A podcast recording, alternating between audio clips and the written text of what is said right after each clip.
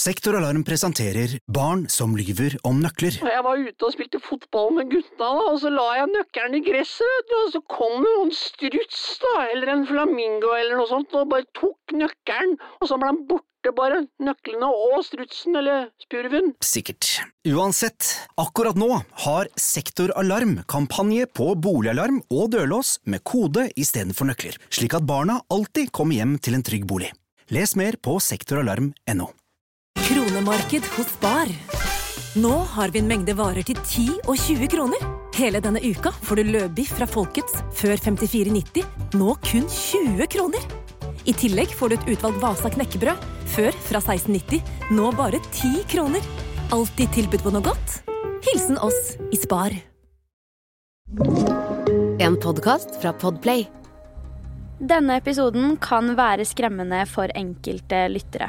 Om du er yngre eller sensitiv til drap, forsvinning eller beskrivelser rundt slike hendelser, så anbefaler vi at du lytter til episoden med noen du stoler på, eller skrur av.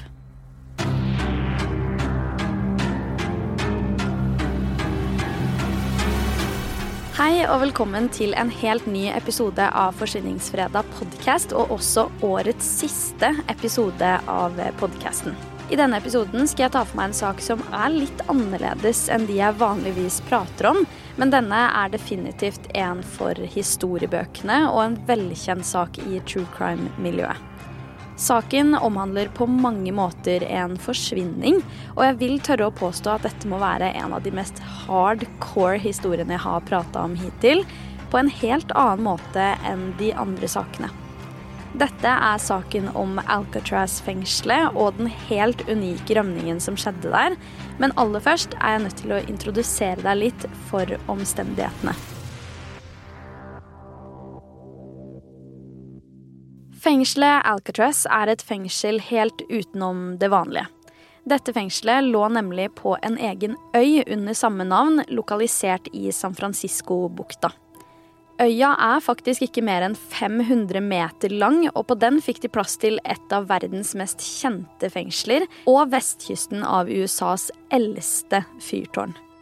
Alcatraz-øya fikk navnet sitt helt tilbake i 1775, da en mann ved navn Juan Manuel de Ayala kom opp med navn på en rekke av øyene i San Francisco-bukta. På den tiden var det som ble hetende Alcatraz-øya, en øy proppfull av pelikaner, så navnet Alcatraz stammer da egentlig fra Isla de los Alcatraces, som oversatt til norsk betyr pelikanenes øy. Alcatraz ble imidlertid brukt til flere ting enn kun et fengsel, selv om det er det vi kjenner det som i dag.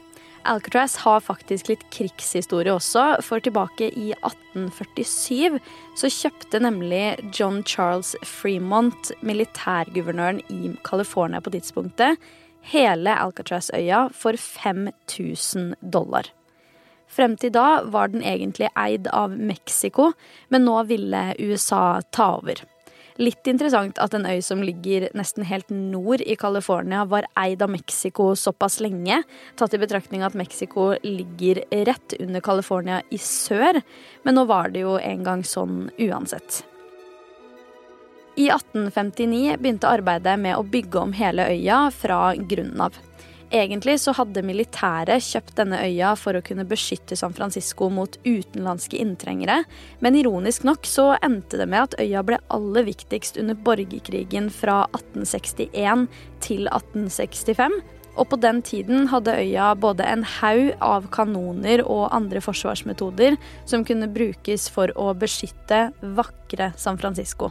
Det var ikke før i 1907 at festningen Alcatraz sakte, men sikkert ble avviklet, etter at utstyret på øya stadig ble mer og mer utdatert, og nå ønska militæret heller å kun bruke det som Pacific Branch militærfengsel. Dette var imidlertid en lang prosess. De hadde frem til nå hatt noen krigsfanger der i forbindelse med krigen, og derfor var det jo også et fengsel, men etter hvert skulle hele øya bygges om igjen til å få et helt nytt fengsel som skulle kalles Alcatraz-fengselet.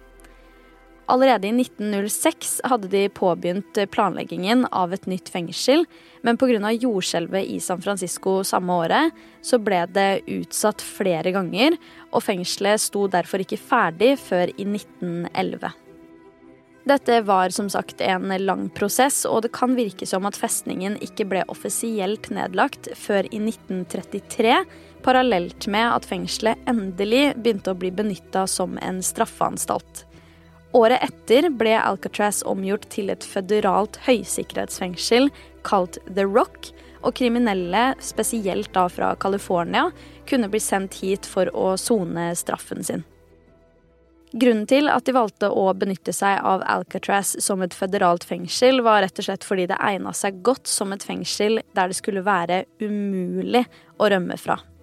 Vannet rundt øya var iskaldt, og strømmene der gjorde det omtrent til en umulig oppgave å i det hele tatt forsøke å rømme via vannet. På toppen av det lå jo Alcatraz-øya såpass langt fra fastlandet at selv den sterkeste mann hadde hatt problemer med å takle å svømme så langt, med alle disse andre faktorene tatt i betraktning. Så her følte myndighetene seg ufattelig trygge på at de hadde tatt et eksepsjonelt valg av hvor de skulle plassere fengselet.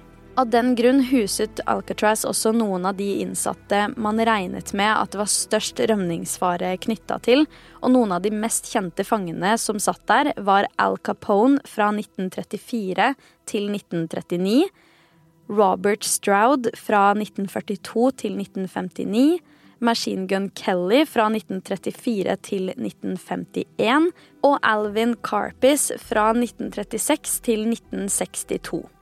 Så med tanke på at dette fengselet i stor grad ble ansett å være helt trygt for rømningsforsøk, så er det vel ikke unaturlig at rømningsforsøkene likevel skjedde, og i løpet av de totalt 29 årene Alcatraz var i bruk, så var det faktisk hele 36 rømningsforsøk, og så mye av 15 av dem ble drept under forsøket, enten av vaktene eller at de rett og slett døde i forbindelse med forsøket.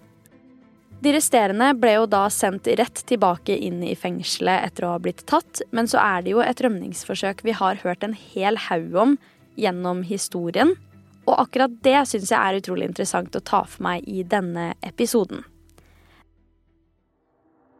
Det var nemlig noen menn som ønska å komme seg langt bort fra dette fengselet, og benytta seg svært godt av at fengselet stadig forfalt. La meg introdusere deg for de som valgte å gjøre historiens kanskje mest kjente rømningsforsøk gjennom tidene. Fangene som bestemte seg for å rømme fra Alcatraz, var brødrene John William Anglin og den yngre broren hans Clarence Anglin. Begge disse var i tidlig 30-årene under rømningsforsøket og satt i fengsel fordi de hadde rana en bank sammen. Men det er jo likevel tilfeldig at de endte opp i samme fengsel, og da faktisk også rett ved siden av hverandre i cellene. I tillegg til disse har vi Frank Lee Morris, som var i midten av 30-årene under rømningsforsøket.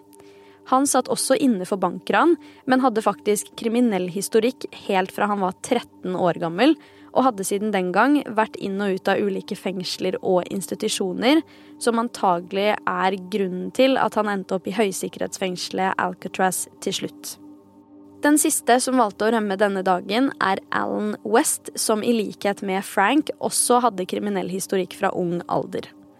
Selv hadde han også vært inn og ut av fengsel siden han da var 14 år gammel, og var 33 år gammel da han og gjengen valgte å rømme fra Alcatraz. Ifølge historiene sies det at Alan West allerede i 1960 prata med Frank Lee Morris angående en mulig rømningsplan, ettersom han angivelig visste om et ventilasjonsanlegg som kunne lede veien ut. I tillegg til dette fikk Alan seg jobb i fengselet sammen med vedlikeholdsarbeiderne, og det ga han egentlig en veldig unik innsikt i hvordan fengselet var bygd opp, og på et eller annet tidspunkt melder også John og Clarence seg på samme plan som Alan og Frank. I 1961 leverte disse mennene inn et ønske om å bo på celler ved siden av hverandre. Tilfeldigvis lå dette rett under den delen av ventilasjonen som Alan hadde nevnt året før, og som han visste at ikke var dekket av betong eller lignende. Det som er sykt å tenke på, er at alle disse fire mennene fikk ønskene sine innvilget, og før de visste ordet av det, bodde de på celler rett ved siden av hverandre med en tilsynelatende perfekt plan i bakhodet. Foreløpig hadde da ingen fått nyss i dette. I løpet av den neste perioden planlegger guttegjengen nøye og vel og prøver alt de kan å forstå seg på nøyaktig hvordan fengselet og øya fungerer, slik at de ikke skulle ødelegge for seg selv. Planen er både imponerende og solid, så la oss gå inn i den. Først og fremst var guttegjengen fullstendig klar over at dette ikke kun handlet om å komme seg på taket av bygningen og deretter løpe. De var nemlig også klar over at de var nødt til å komme seg ut i vannet og komme seg til fastlandet på en eller annen måte, antageligvis ved hjelp av å svømme. Skulle de gjøre det, var de helt avhengige av en avledningsmanøver, og de var nødt til å kjøpe seg så mye tid de overhodet hadde mulighet til. Derfor begynte de å lage det som skulle se ut som hoder som de kunne legge på senga, slik at vaktene ikke skulle mistenke noe på nattestid eller på morgenen dagen etter. Disse hodene ble laget av en miks mellom betong, såpe og litt diverse andre greier, i tillegg til at de faktisk hadde menneskehår på toppen for å se mer realistiske ut. Til dags dato er det usikkert hvem av guttene som sto bak akkurat den ideen, men det er rimelig å anta at de var flere om det.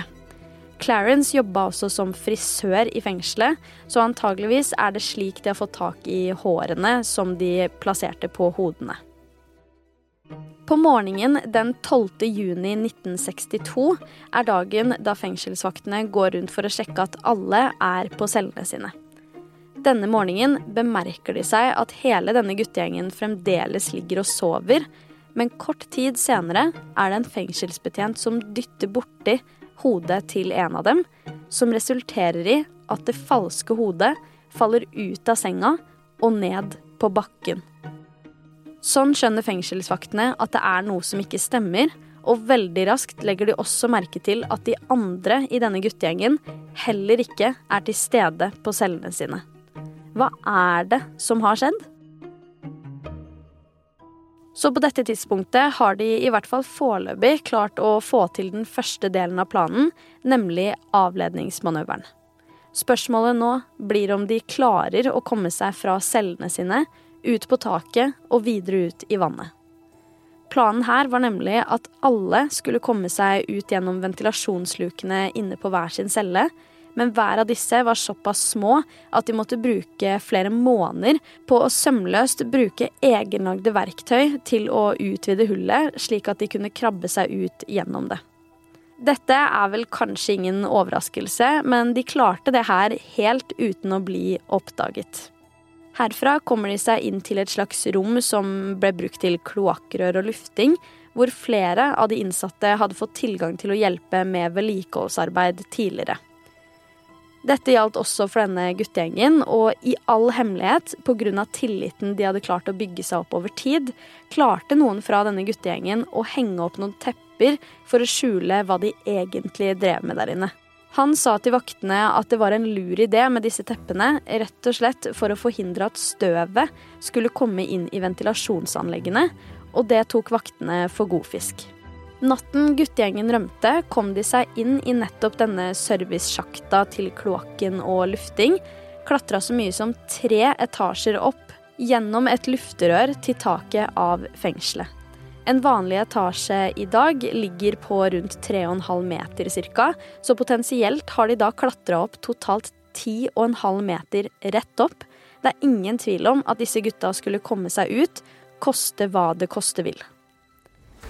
Etter å ha kommet seg til taket av fengselet, var neste steg å komme seg gjennom gjerdene. Disse var på denne tiden ikke akkurat elektriske gjerder, så her klipte de seg rett og slett ut av dem, og hadde angivelig laget en flåte av regnfrakker i månedene før. Akkurat hvordan dette skal ha vært mulig, har jeg litt vanskeligheter med å forstå.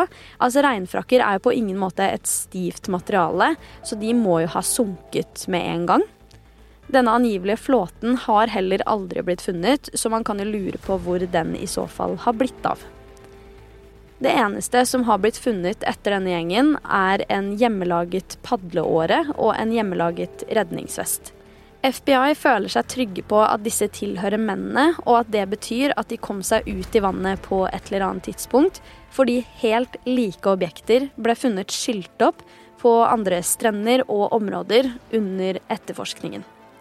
Dette er for så vidt også det siste vi i det hele tatt vet om denne rømningen, for disse guttene har til dags dato aldri blitt funnet, ei heller noen levninger etter dem.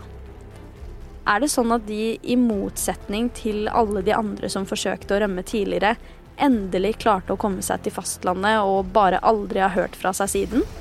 Hvordan kan det i så fall ha seg at ingen har fatta mistanke på fastlandet? Er det ingen som i det hele tatt har sett dem, eller noen som ligner? Gjorde ikke politiet noen etterforskning i etterkant som kunne gi svar på om de hadde hatt sjanse til å komme seg over? Altså ga de bare opp? Jeg har så mange spørsmål, for det virker jo som at de bare forsvant ut i tynn luft, og at vi aldri hørte noe mer om det igjen. FBI skriver imidlertid på nettsiden sin at de den gangen gjorde alt de kunne for å finne de savnede fangene, og at de også utførte avhør med de savnedes familiemedlemmer for å samle inn alt de kunne av informasjon. FBI hevder at de har grunn til å tro at fangene ikke overlevde alt av vind, vær og bølger, og da av følgende grunner. Til tross for at flere har svømt strekningen fra Alcatraz til den nærmeste øya, altså Angel Island, men gitt omstendighetene og været, så finner politiet det lite sannsynlig at disse hadde sjanse til å komme seg over denne avstanden, som var på litt over en engelsk mil. En informant i fengselet hadde informert politiet om at planen til mennene var å stjele en bil på fastlandet, men politiet og FBI oppdaget aldri noen biltyverier eller lignende rundt denne perioden som kunne vært aktuelle, og de mener bastant at de hadde hørt om dette, rett og slett fordi saken ble profilert utrolig fort. I tillegg, etter å ha gjort avhørene av familiemedlemmene, så hadde ikke politiet én eneste grunn til å tro at de eventuelt kunne ha hjulpet fangene, og de hevder at ingen av familiemedlemmene virket som at de hadde økonomien til å kunne hjelpe dem heller. Helt til slutt skriver FBI at de jobbet med denne saken i totalt 17 år, men at det ikke fantes et eneste bevis eller en ledetråd i løpet av disse årene som støtta teorien om at rømningen var vellykket og at de overlevde. Dette gjaldt både for USA og andre land, så her er de rimelig trygge på at disse mennene var nok et tilfelle av fanger som rømte uten hell. Alcatraz-fengselet ble også stengt den 21. mars 1963 grunnet høye vedlikeholdskostnader og forfall, og i dag benyttes fengselet som et museum for å vise hele øyas historie. Tenk at de stengte ned under et år etter denne rømningen. Altså Bare det i seg selv syns jeg er utrolig spesielt å tenke på. Jeg må jo si at jeg syns hele den saken her er vanvittig fascinerende også. Altså For min umiddelbare tanke er jo at de må jo ha hatt det ganske fælt i fengselet når de vet at de risikerer livene sine, heller enn å sone ferdig straffen sin i fengselet. Jeg sitter jo også likevel med mange spørsmål, og regner jo egentlig med at du også gjør det. Altså, hva om de overlevde? Hva om de bare forsvant sporløst, skaffa seg nye identiteter og alt mulig? Dette her var jo en helt annen tid enn hva vi lever i nå, så det var jo ikke overvåkningskameraer på lik linje som i dag. Den saken her kjenner jeg at jeg trenger å diskutere sammen med dere. Så dersom du har noen tanker, refleksjoner og meninger, så setter jeg utrolig stor pris på om du har lyst til å sende det inn til meg på Instagram, der jeg heter Forsvinningsfredag. Du har hørt Forsyningsfredag podkast med meg, Sara Høydahl. Tusen, tusen takk for at du har lytta til oss gjennom hele 2023. Det setter vi så utrolig stor pris på. Vi er også tilbake med en helt ny episode allerede neste fredag. Og i mellomtiden så ta godt vare på deg selv.